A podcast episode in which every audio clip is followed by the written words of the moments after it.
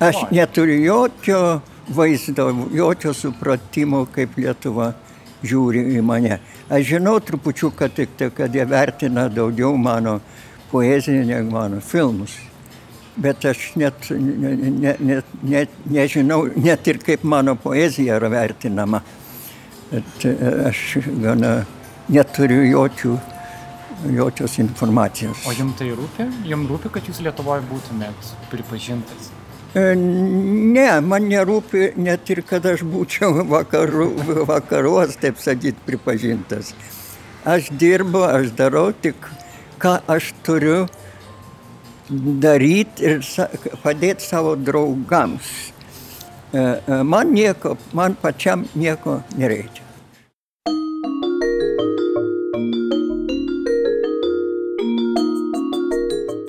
Kai sužinojau, kad į Londono knygų mugę atskrenda Jonas Mekas, kukliai paprašiau dešimties minučių interviu su juo. Nesitikėjau nieko. Žinau, kad britų žurnalistai iš tokių leidinių kaip The Guardian ar Another Man irgi nori susitikimo su Jonu. Ir tai yra milžiniški leidiniai. Bet galiausiai mes, kartu su Nanuk fotografe Severina Venskutė, gavome savo valandą susitikimui. Mes buvom metro ir taip tyliai stovėjom, laukiam savo statelės Ir tada galbūt taip palasiverina. o tu pagalvoji, kokią nors idėją, kaip, kur tu fotografuosi, kaip tu fotografuosi. Šiandien mes norime pasidalinti susitikimo rezultatu. Su jumis Karolis Višnauskas iš Nanuk, jūs klausotės Nailo podcast'o.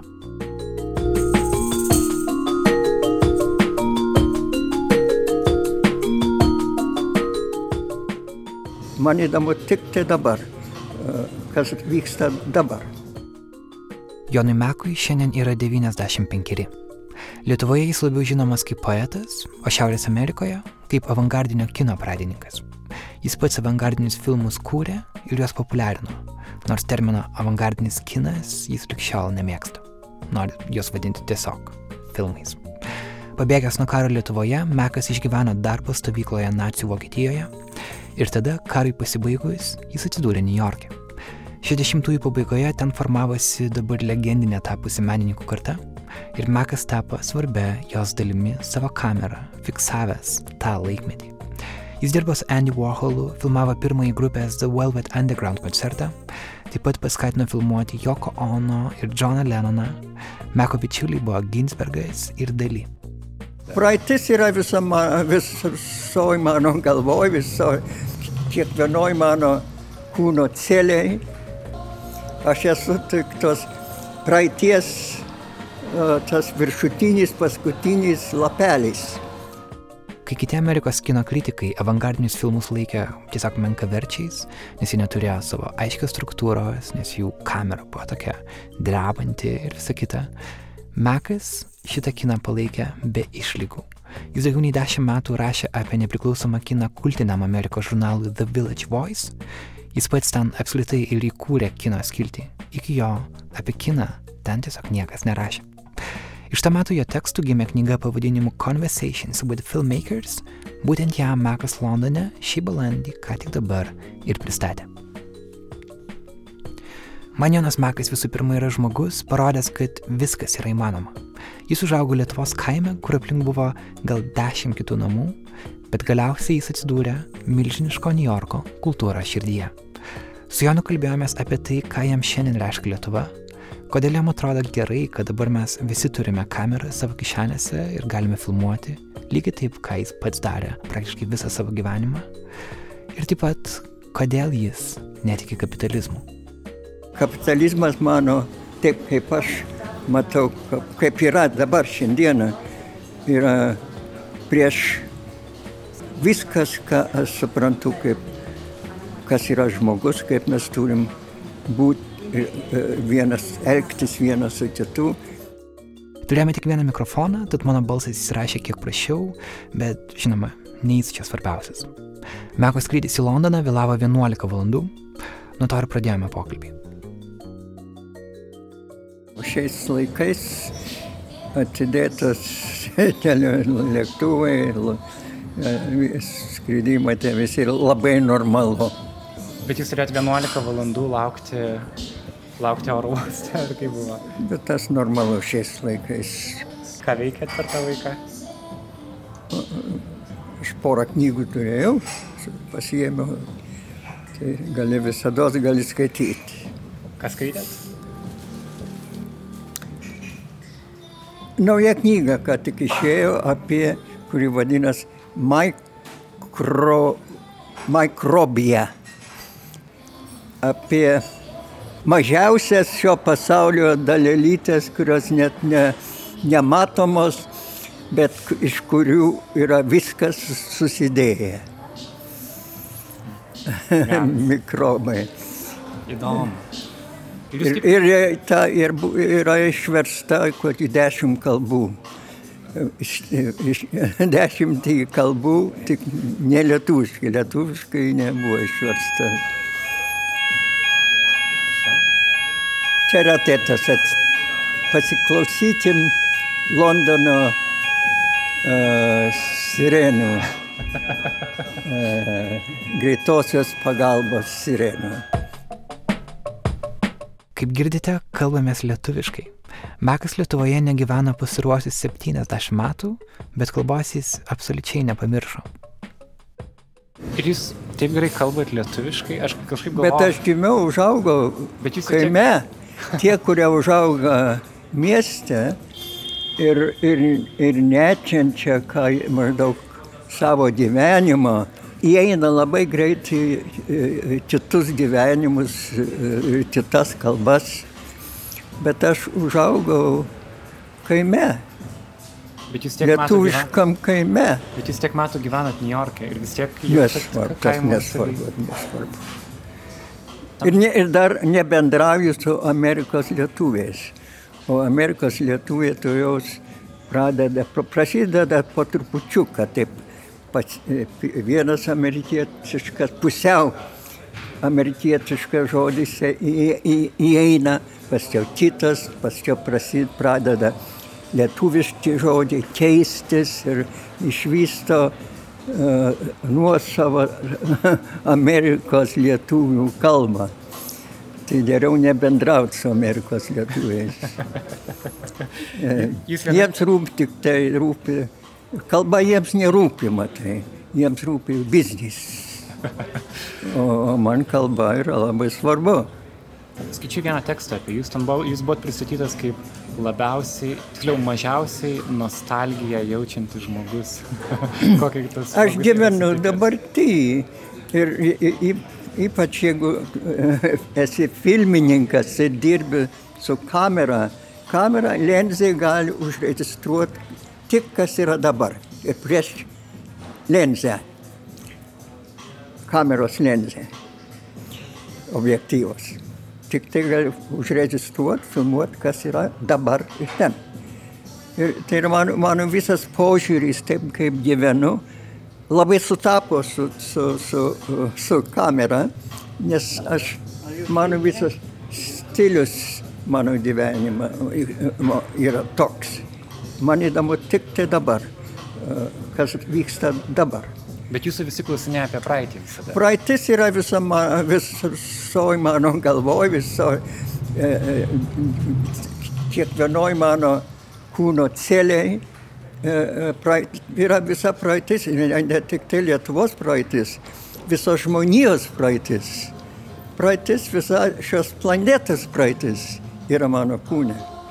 Aš esu tik tos praeities e, tas viršutinis, paskutinis lapelis.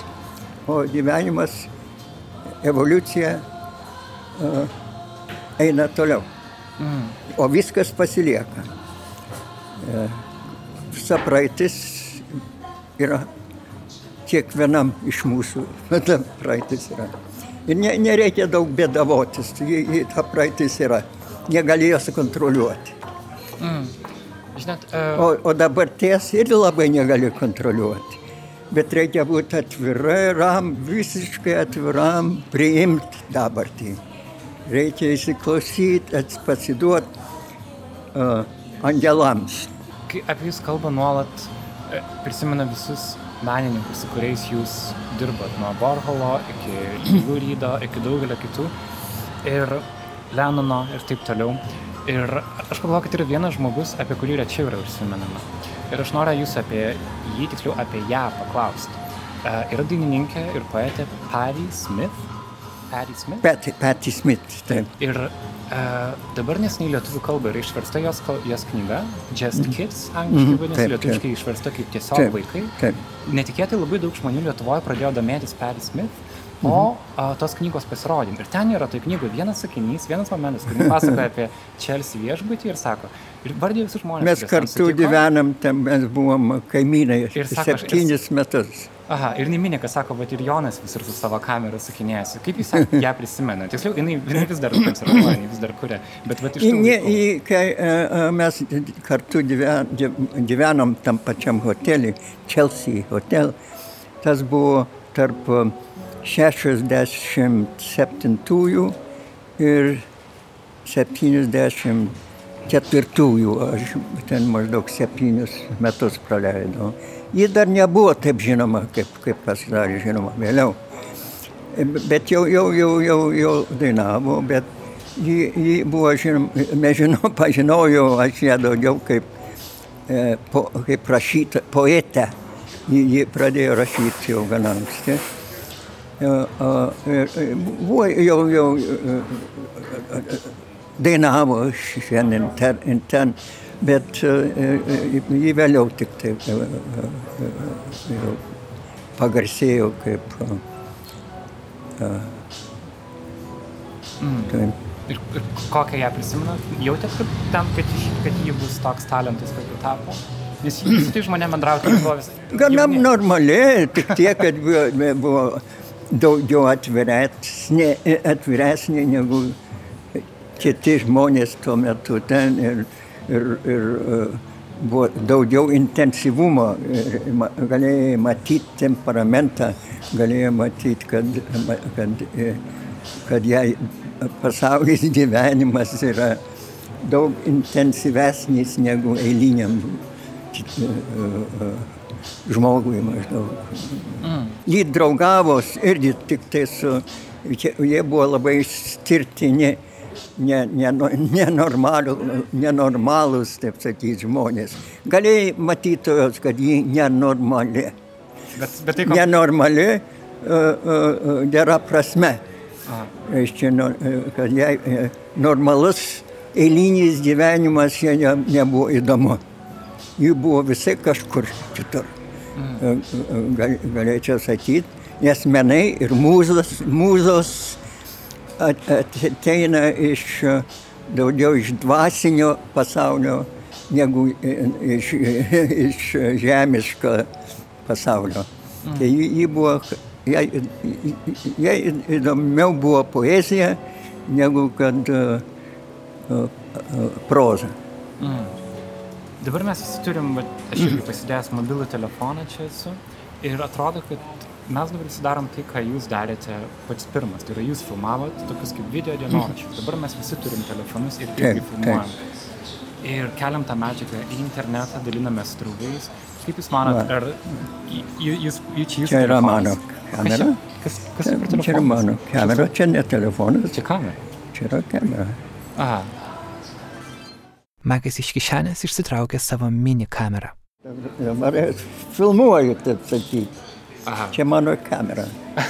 Taip, kad e, buvo e, e, seniai, jau gana seniai, Kokto, prancūzų filmininkas, poetas ir taip toliau, jis sakė, jis rašė, kai kino kamera pasidarys, bus taip lengva ir taip paprasta naudot, kad lyg e, su pieštuku rašytam, lygiai taip pat.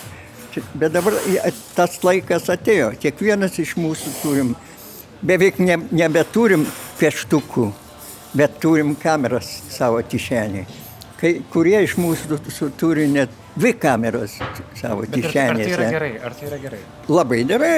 tai Įsivaizduok, kad mes pa, e, e, e, turėtumėm, e, sakysim, Lietuvoje tik tai dešimt pieštukų ar dešimt rašomųjų mašinėlių.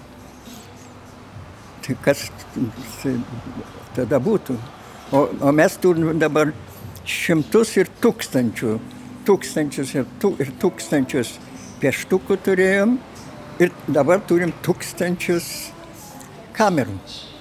Tai yra stebuklas, yra gražu. O kaip manot, ar dėl to mes suprantam kažką daugiau vieni apie kitus, daugiau apie pasaulį? O mes niekada nesupratom labai kitų. Mes visada mušėmės vienas vienas su kitu. Čia nieko bendro neturi. Bet geriau, jau jeigu turi, turi pieštuką ar gali pašto, ar pašto, pašto ženkliuką, kad gali pasiūsti arba laišką ir, ir, ir atsiprašyti arba paprašyti bendrauti su žmonėm, jeigu būtų, kai galėjai tik tai rašyti su plunksna ant, ant kokios odos. Ir tai buvo, kopijas galėjai padaryti ant kad perrašydamas tik tai kiekvieną knygą ranka perrašydamas, pasidarydamas kopiją. O mes dabar, dabar jau lengviau. Mm. O ką daryti su visų archyvu? Pavyzdžiui, tarkim, man dabar yra 20... Aš, Nesirūpinkit su archyvais. Tiek daug nuotraukų, kur aš nežinau, ką daryti. Jums yra dabar 95 metai. Turite... O tai atsimink visada, kai pradedi galvoti ir nežinai, ką daryti su tais archyvais. Atsimink tik tai, kad, a, yra muziejai. Ir kai nueini į tos didelius, ypač muziejus, ką randi ten? Iš Egipto, tai yra Egipto kambarys ir, ir ne, ne visiškai dar pilnas. Tiek, ir, tiek yra išlikę iš tų laikų. Viskas anksčiau ar vėliau tik sukrenta į dulkes. Gali išlaikyti, sakysim, o ten, kino, kino archyve su, jeigu kontroliuoji temperatūrą ir kontroliuoji drėgnumą, gali,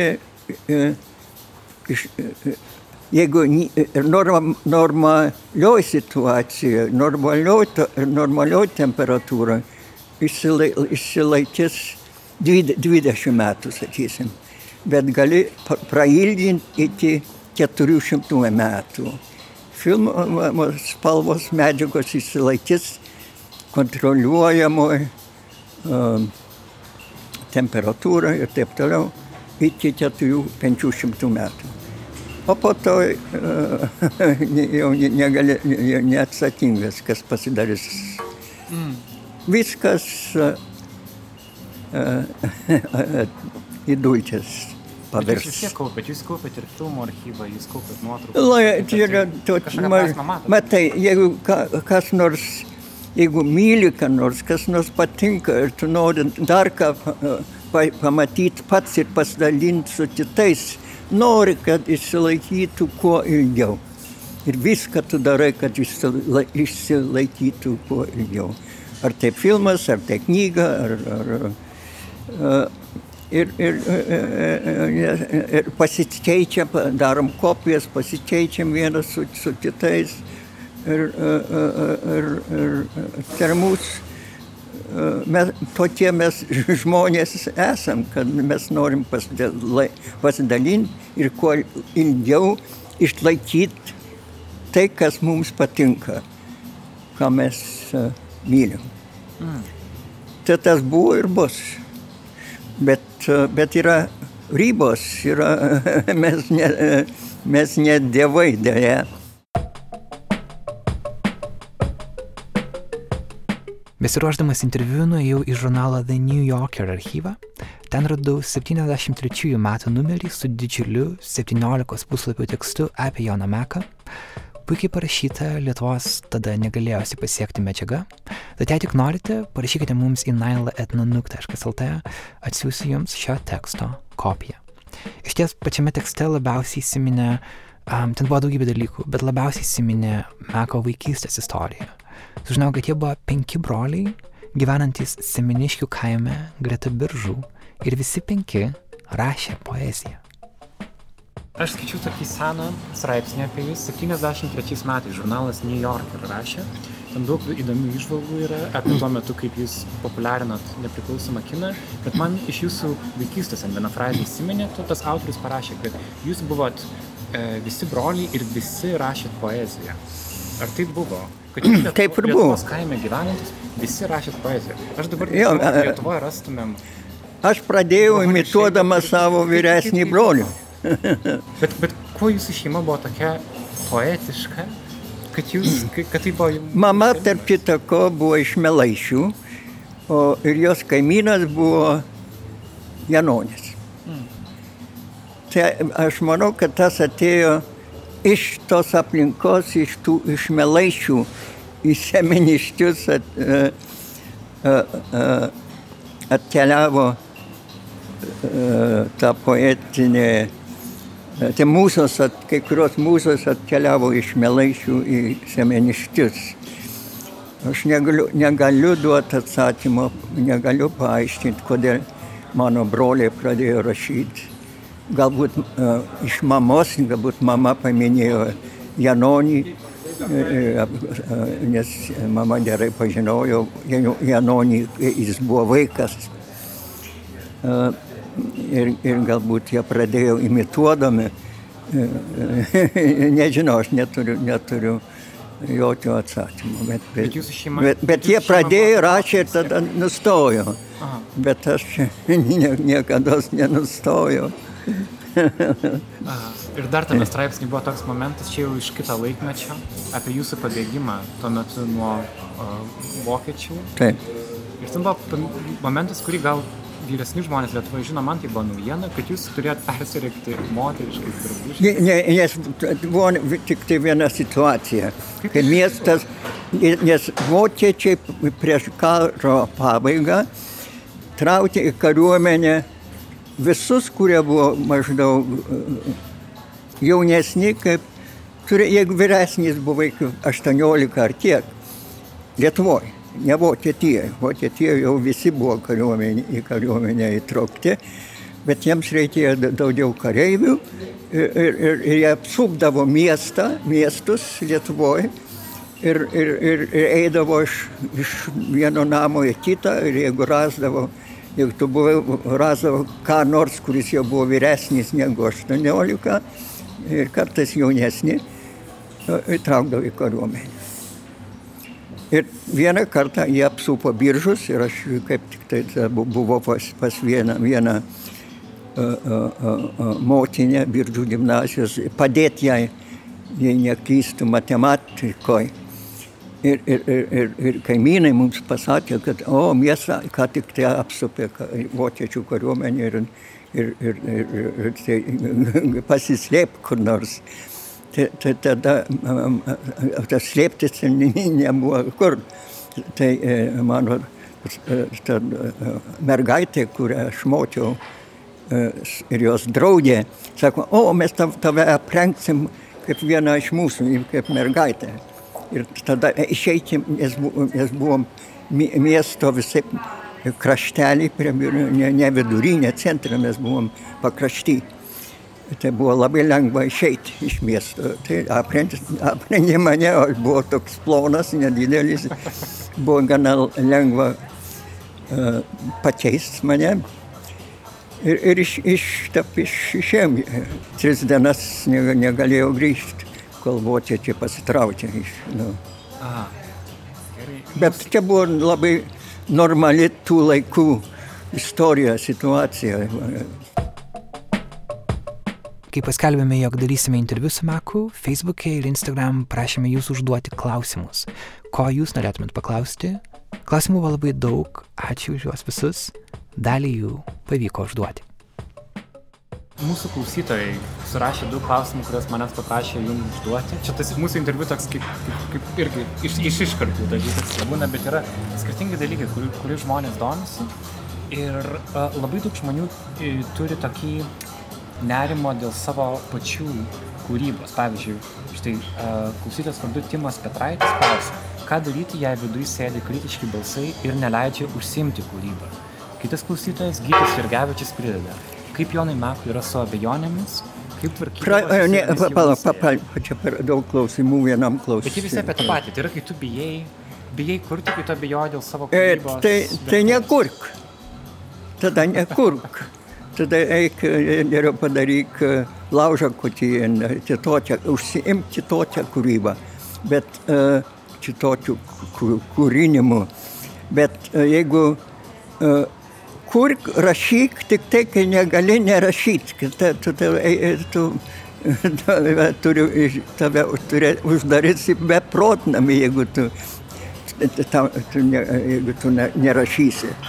Turi būti tik, tik, tikrai tu, turi būti pareikal, vidinis pareikalavimas rašyti, kurio negali atsispirti. Ir laiko tam nereikia. Visada rasi laiko. Čia neklausim, neklausimas e, rast laiko ar, ar, ar rasi laiko.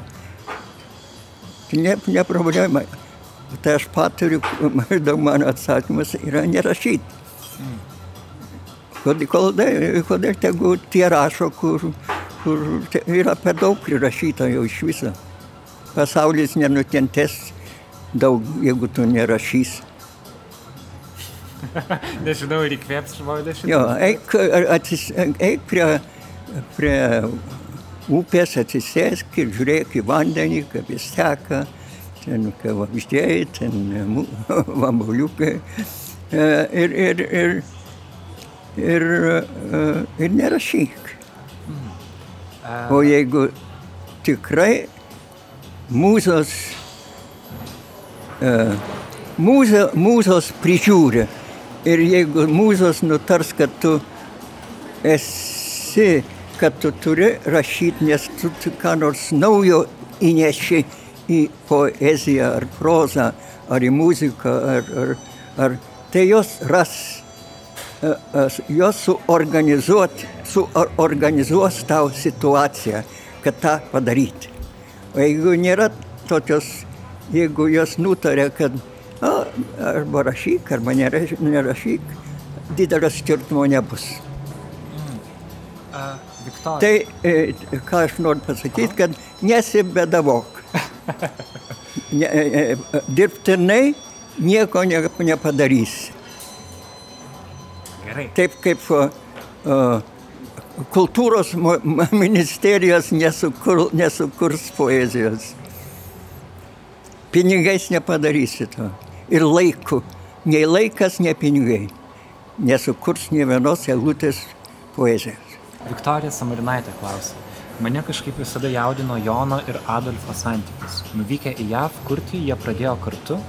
Kartu ne vieną juostą susuko, tačiau Jonas yra avangardo ikona, o Adolfas kažkur išnyksta. Neišnyko, jis, jis, jo, jis pasuko į, į, į prozą daugiau ir e, vienu metu e, e, jis susidomėjo, jis buvo pakviestas sukurti kino de, fakultetą vienam gana jaunam universitete. Ir jis sako, kodėl, kodėl ne, ne, nebandy, nepa, nepadaryti to, kodėl jam buvo įdomu ir dėstyti ir, ir, ir ne vien tik tai, jis buvo daugiau prozaikas negu poetas. Tai galėjo, galėjo rašy, dirbti prie universiteto, kur, kurį jis sukūrė ir kartu rašyti, ir, o retkarčiais pertrauką padaryti ir, ir, ir susukti kokį filmą. Pradžioj mes dirbam viską kartu, bet ateina, laika, ateina laikas, kur uh, pradedi įsistirti, nes pasidaro aiškiau, ką tu nori savo gyvenime daryti, kurią pusę linksti. Ir mes, tai jis pradėjo linkti į vieną pusę, aš pradėjau linkti į kitą. Pradedant uh, maždaug, kai mes buvom tiek kokių 30 metų ar kiek amžiaus. Jo. O pradžioj mes, uh, mūsų norai ir uh, sutapo kažkaip. Žmonės jums nori užduoti tokius gan egzistencinius klausimus ir... ir Aš galiu, atsa aš galiu atsakyti bet kokį klausimą. Bet kokį. Pacituoti. Justinas Mikulskis klausė. Mano ilgas klausimas Jonui. Ką jis mano apie egzistencializmą, nugyvenęs 95 žiemas? Ar iš tiesų žmonių santykiuose tarpusavio supratimas negalimas? Ar iš tiesų kiekvienas mūsų pasmerktas vienatvei? Juk atrasdame save kaip egzistenciją, žmogus pirmą kartą įgyja ir savo laisvę. Štai taip. Mes visi laisvi, mes, e, e, tai yra e, stebuklas toks yra, kad mes esam kiekvienas, e, e, e, kiekvienas mūsų turim pasirinkimą. Yra e, kai kurie žmonijos e, poreikiai ir taip toliau sutampa, bet, bet kiekvienas iš mūsų, iš mūsų esam skirtingi ir, ir turim pasirinkimą. Mes laisvi. Pagal evoliuciją mes visi atėjom iš, iš tos žemės, iš, pirmiau atėjom iš šviesos. Iš, iš šviesos, saulė ir taip toliau. Planetos išsivystė taip toliau ir, ir, ir, ir vandenynai, ir žemė, tai iš to žemės mes palengva ten atsiradom per milijonus, milijonus metų, bet tai ten visi su, mes sutampam, mes esame iš to paties šaltinio, bet esam, matai, šitą, jeigu tiki, tiki kad atėjai iš žemės ir į žemę gr- sugrįši ir tai yra viskas, ir ten viskas pasibaigs. Yra vienas daly- dalykas, jeigu tiki, kad atėjai iš šviesos ir mes grįšim į šviesą, tai yra kitas dalykas. O kaip jūs tikite? Tai aš tikiu, kad mes atėjom iš šviesos ir mes esam pa- pakeliui atgal į šviesą. Ir mes turim pasirinkimą, arba grįšim ir pasibaigsim čia, toj pačioj juodoj žemėje, arba tęsim, eisim per visas kitas nesuprantamos mom dimensijom atgal į šviesą. Andrėja Taranda, sakoma, aš ten nežinau faktą, jūs galite pasakyti, ar tai tiesa ar ne. Antanas Škėma buvo viešai sukritikavęs semeniškių idilės. Kaip Jonas Mekas reagavo į šį viešą pasisakymą? Ar Škėma, O, jis- ar jis Škėma laikė labai- autoritetu? O, na, no, Štėma labai gerai suprato mano, mano idėlės ir jis labai gerai jas pristatė. Aš nesuprantu klausimą. Na, va, aš irgi aš nežinau šitą faktą, kad Škėma Ne. sako, kad Škėma gerai. O jūs buvot pažįstami su Škėma? Labai gerai Nes pažįstamas. dabar išvertė- Jis turėjo dramos, jis buvo raš, rašytojas, bet Lietuvoje prieš išvažiuodamas į pasaulį jis e, buvo aktorius. Bet jam įdomiau buvo režisūra. Tai New York'e jis e, įkūrė savo teatro studiją ir aš kurį laiką buvau vienas jo studentų. Tai aš jį labai, der, labai gerai, gerai pažįstu. Dabar išvertė Baltą drobulę į anglų kalbą. Taip. Šitos knygos, knygos metu. Taip, aš e, parašiau nedidelę įžangą. Tai. Supratau. Aha. A, Morten Arkauskaitė. Buvo geras rašytojas. Aha. Morten Arkauskaitė. Koks Jono gražiausias atsiminimas iš Lietuvos? Daug, daug, daug. Aš, aš e, praleidau daug Lietuvoje pirmiu, pirmuosius savo 20 metų. E, jau galėjau mirti ten. Jau, kai, yra daug, kurie, kurių jau, jau yra, yra mirę 20 metų. Tai e, visi mano ankstyvesniai prisiminimai, prisiminimai yra iš e, Lietuvos, iš kaimo. Aš kaimietis, aš iš kaimo. Gamta, gamta. Aš e- esu pilnas gamtos. E, Spalvų, de, detalių, vaizdų, kvapų, oras, viskas, viskas dar man, manį. Ar jūs sakot lietuvių kultūrą dabar, pavyzdžiui, filmus? E?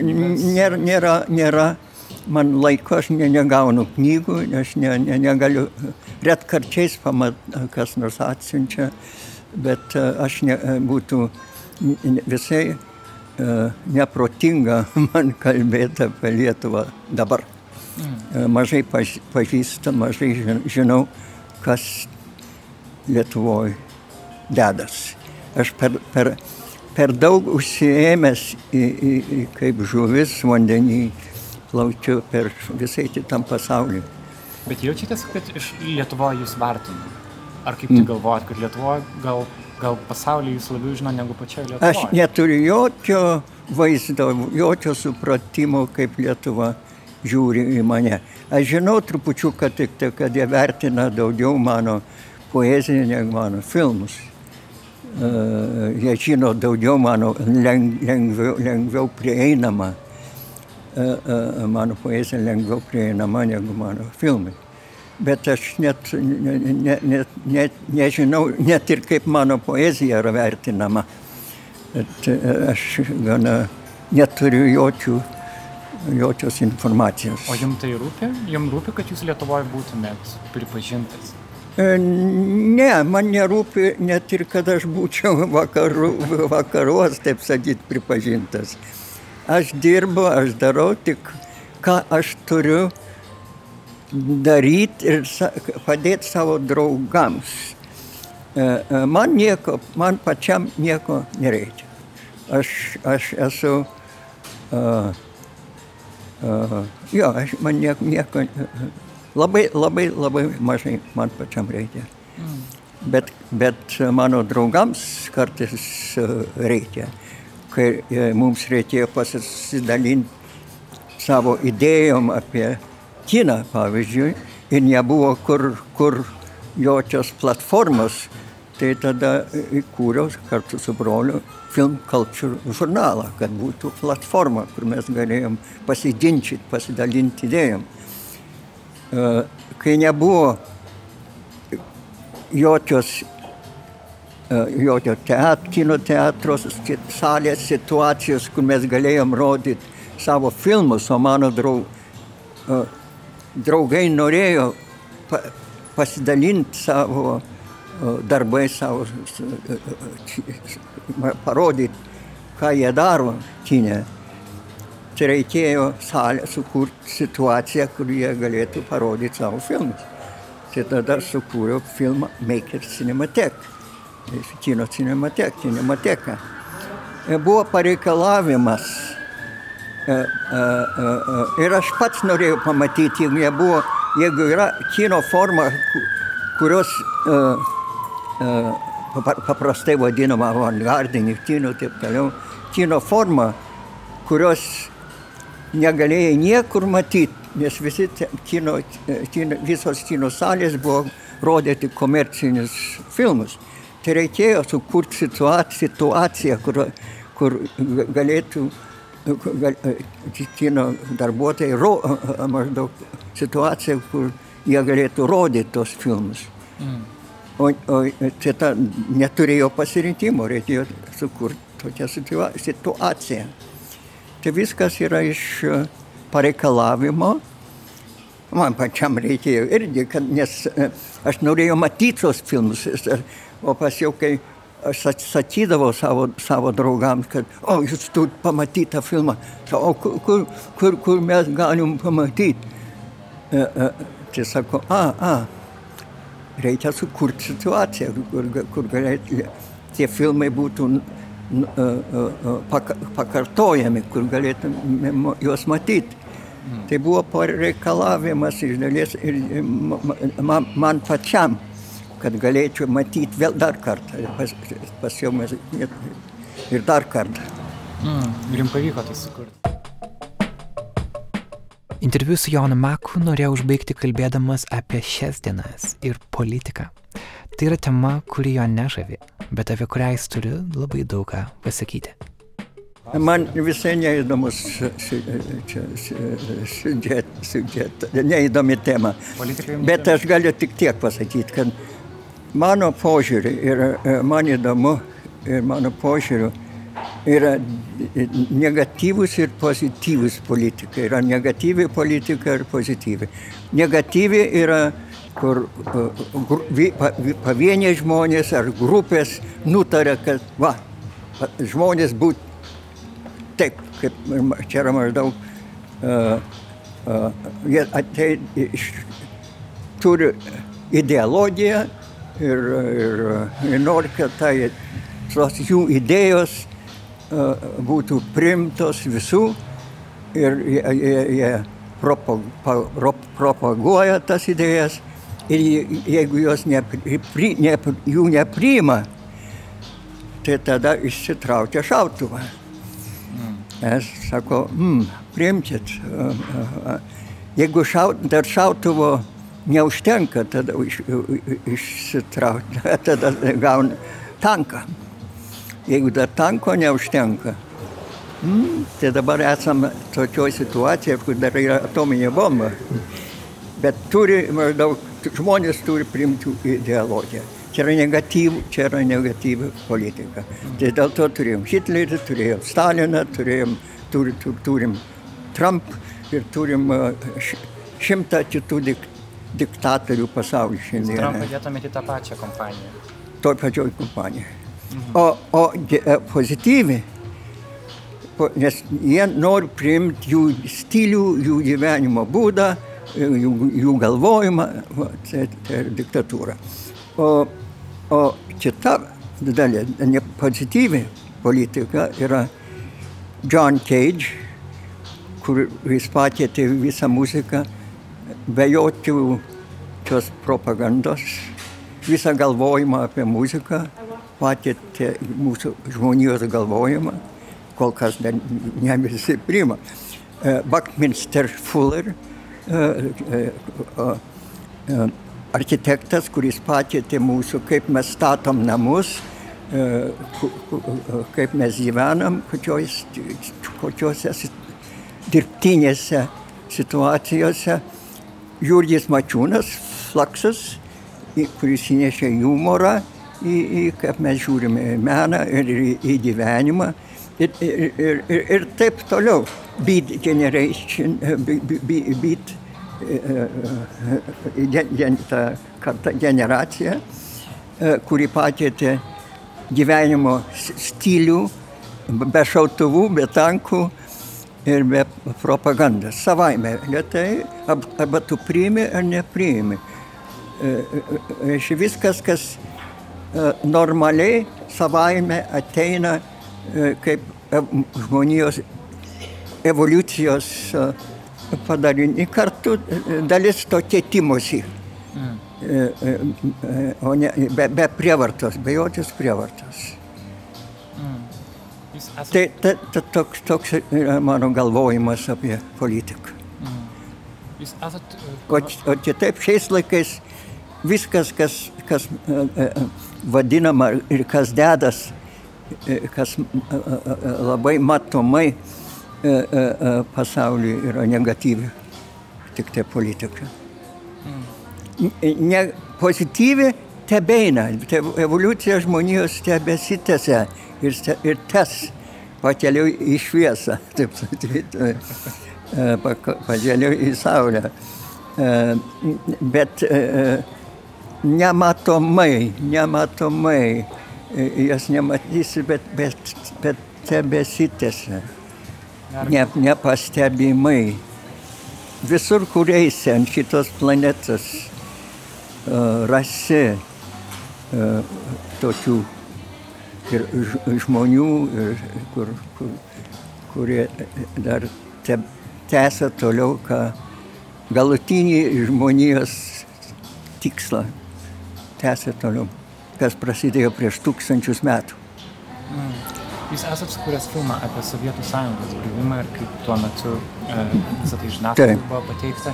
Man buvo įdomu, e, dabar bandant, pavyzdžiui, aš pats gimęs 89 metais, kada jau nu, užaugau nepriklausomą Lietuvą ir bandau suvokti laikotarpį. Man įdomu, jūs atvykote į New Yorką, kai buvot menininkų ratose, ar jie suprato, kas, pavyzdžiui, yra Sovietų sąjunga, kaip tai veikia, nes kartais vakaruose gal yra žmonių, kurie galvoja, kad tai gal buvo visai gera sistema. Ir dažnai tai būna menininkai, dažnai šviesų žmonės. Taip. Ar jums teko Bet aiškinti jiems, matai, o, o, labai dažnai, labai dažnai, bet jie klausės, klausės ir nesuprato. E, Ir jie, jie suprato komunizmą, jie ži- pažinojo tik tai iš knygų, e, ne iš gyvenimo. E, e, e, Amerikiečių komunistų partija arba e, prancūzų ar italų, jie te, te, teoretiškai tik tai yra buvo skaitę e, komunistų manifestą maždaug.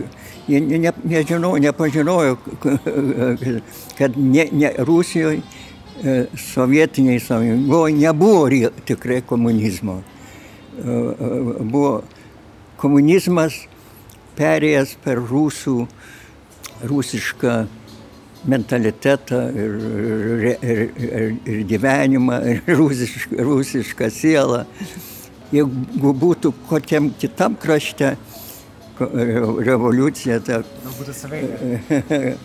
bet nei vienam krašte buvo per anksti. Galbūt už šimto ar kiek metų variacija komunizmo, taip kaip buvo variacijos prieš tūkstančius metų, šiandien ir ten, kai kuriuose vietose, kai kuriais laikotarpiais.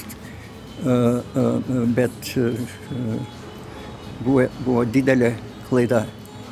O jūs galvojat, dabartinė kapitalistinė sistema, jinai ateis į Aš galą, esu ar- prieš kapitalizmą, nes kapitalizmas yra nebroliška savo broliams. Žmogus nebrolis e, kitam žmogui, bet yra priešas maždaug. e, e, Nepasidalini, nepasidalini tuo, ką tu turi ir kitas neturi. Ir, ir, ir kapitalizmas mano, taip kaip aš matau, ka- kaip yra dabar šiandieną, yra prieš uh, viskas, ką aš suprantu, kaip, kas yra žmogus, kaip mes turim būti vienas, elgtis vienas su kitu.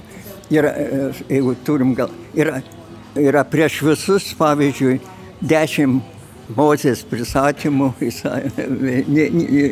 kapitalistinė sistema leidžia daryti tau viską, ko, ko tu nori savo. Kaip man ateis jos galas? Hmm? Ateis jos galas. Kapitalizmo pabaiga. Ateis? Ateis.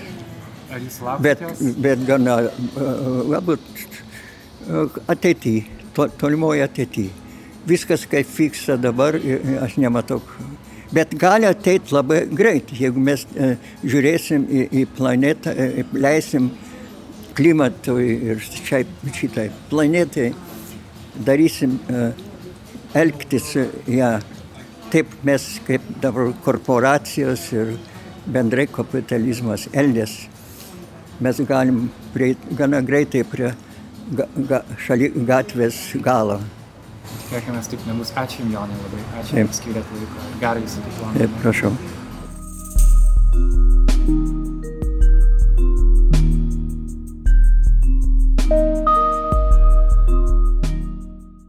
Epizodo muzikos autorius yra Martinas Gailius iš Soda Sounds, o epizodo garso dizainerė yra Kata Bitoft. Už galimybę paimti šį interviu ačiū Lietuvos kultūros institutui, jų dėka galėjome skristi į Londono knygų mugę. Beje, šiemet mugėje Baltijos šalis pirmą kartą buvo pristatomos kaip Focus Market, tai yra rinka, į kurios literatūrą kreipiamas didžiausias dėmesys. Taip pat ačiū Lietuvos kultūros atašė Junktinėje karalystėje Justė Kostikovaitė, nepriklausoma kino platinimo platformos MUBI atstoviai Sanam Garagolzu ir taip pat Serpentine Cinema galerijos atstoviai Lučijai Petrosti. Be šių žmonių podkasto epizodas nebūtų įvykęs. Visus kviečiu užeiti į Nile LT tinklalapį ir pamatyti Sevelinos Venskutės fotografijas iš susitikimo su Jonu Meku. Su juo mes buvome ne tik viešbutyje, bet ir šiam pasivaikščioti į Londono gatves. Įspūdingi kadrai, labai labai išjūgiuosi. Paklausiu Sevelinos, kaip jai pačiai sekasi fotografuoti. Viskas buvo kaip suorganizuota. Aš manau, kad jisai žino, ką aš darau ir ko aš noriu. Atsirado toks susikalbėjimas, bet didelio kalbėjimo. Jis visą laiką žinodavo, tarkim, kada reikia pažiūrėti kamerą, kada nereikia pažiūrėti, kur ten sustoti, kokio atstumo laikytis. E, dabar iš, nu, iš nuotraukų žiūrint, tai man toks juokas ima, bet atrodo, jis net žinojo, kokiais žingsniais vaikščioti. Tokiais, tokiais galingais ir matomais. Po to, kai mes su juo atsisveikinom, kažkaip pradėjom keliauti. Ir taip Karolis paklausė, tai kaip tau pasisekė? Ir aš taip, nežinau, ką atsakyti. Ir atrodo, aš, man atrodo, aš to paties paklausiau, nežinau, o, o kaip tau? ir man atrodo, abu buvom savotiškai gal sutrikę ir nežinojom, ar, čia buvo gerai ar negerai. Bet aišku, kad buvo gerai. Ir man rodos, mes abu labai laimingi dėl to. Viskas kažkaip gavos labai super. Šis interviu buvo didelis pripažinimas Nanuk ir Nailo podcastui. Tu progą noriu dar kartą padėkoti visiems mūsų Patreon kampanijos rėmėjams. Šią savaitę surinkta suma perkopė 1000 dolerių per mėnesį. Ačiū naujausiams rėmėjams. Tai yra Šarūnas Judickas, Janina Sabaliuskaitė, Benediktas Gilys, Jeva Pogušaitė ir Ilma. Ir Austėja Janickaitė bei Julija Selezniova, mūsų ankstesnės rėmėjos, padino savo sumas.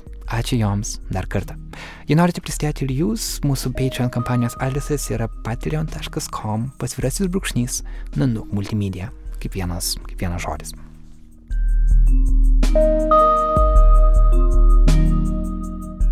Paskutinis dalykas, kurį noriu pasakyti. Londone nusipirkau Jono Meko autobiografiją I Had Nowhere to Go. Tai yra įspūdinga knyga, leidžianti pažinti ne tik patį Meką, bet apskritai visą tą laikmetį. Ir viena citata joje paliko didelį įspūdį. Pats Mekas rašė, kad tai buvo svarbiausias momentas jo gyvenime. Anne Hillman, kolegės iš Alaskos Public Media, paprašiau, kad ji perskaitytų šį knygos puslapį. Juo ir noriu užbaigti epizodą.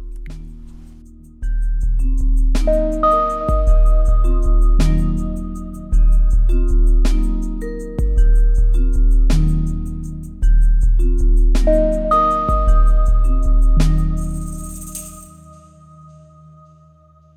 was something else that contributed to my being an outcast, and this, very possibly, was the most crucial influence of my life.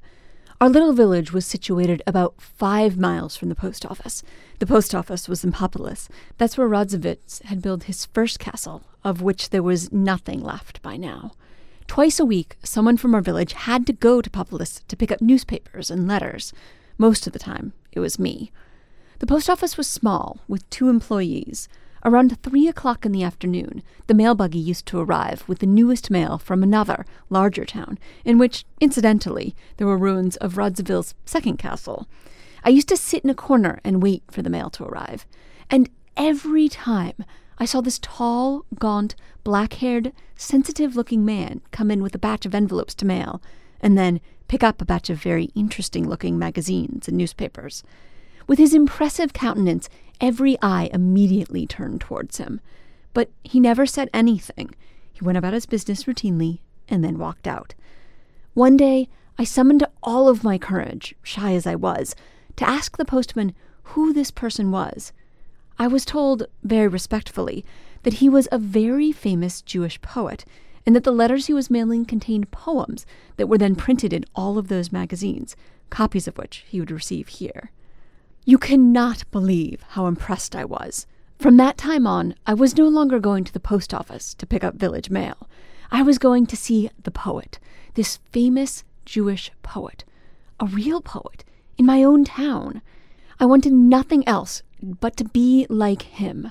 I was about 10 or 11, but I knew that I wanted nothing less from my life than to be a writer, a poet, like this gaunt, black haired, ascetic, tall Jew. My life's direction was suddenly set. When the Germans came, they shot him. I never found out who he was. They shot the post office guy, too. Someone fired a shot at passing German soldiers from inside the post office. The Germans stopped and shot everybody in the building. I don't know what this tells about the times we live in or where I come from, but most of the protagonists of my childhood are dead. Untimely. Dead. Nailo podcastą kuria multimedijų agentūra Nanuk. Su jumis buvau Karolis Višniauskas. Ačiū, kad buvote kartu. Susitikime kitą antradienį.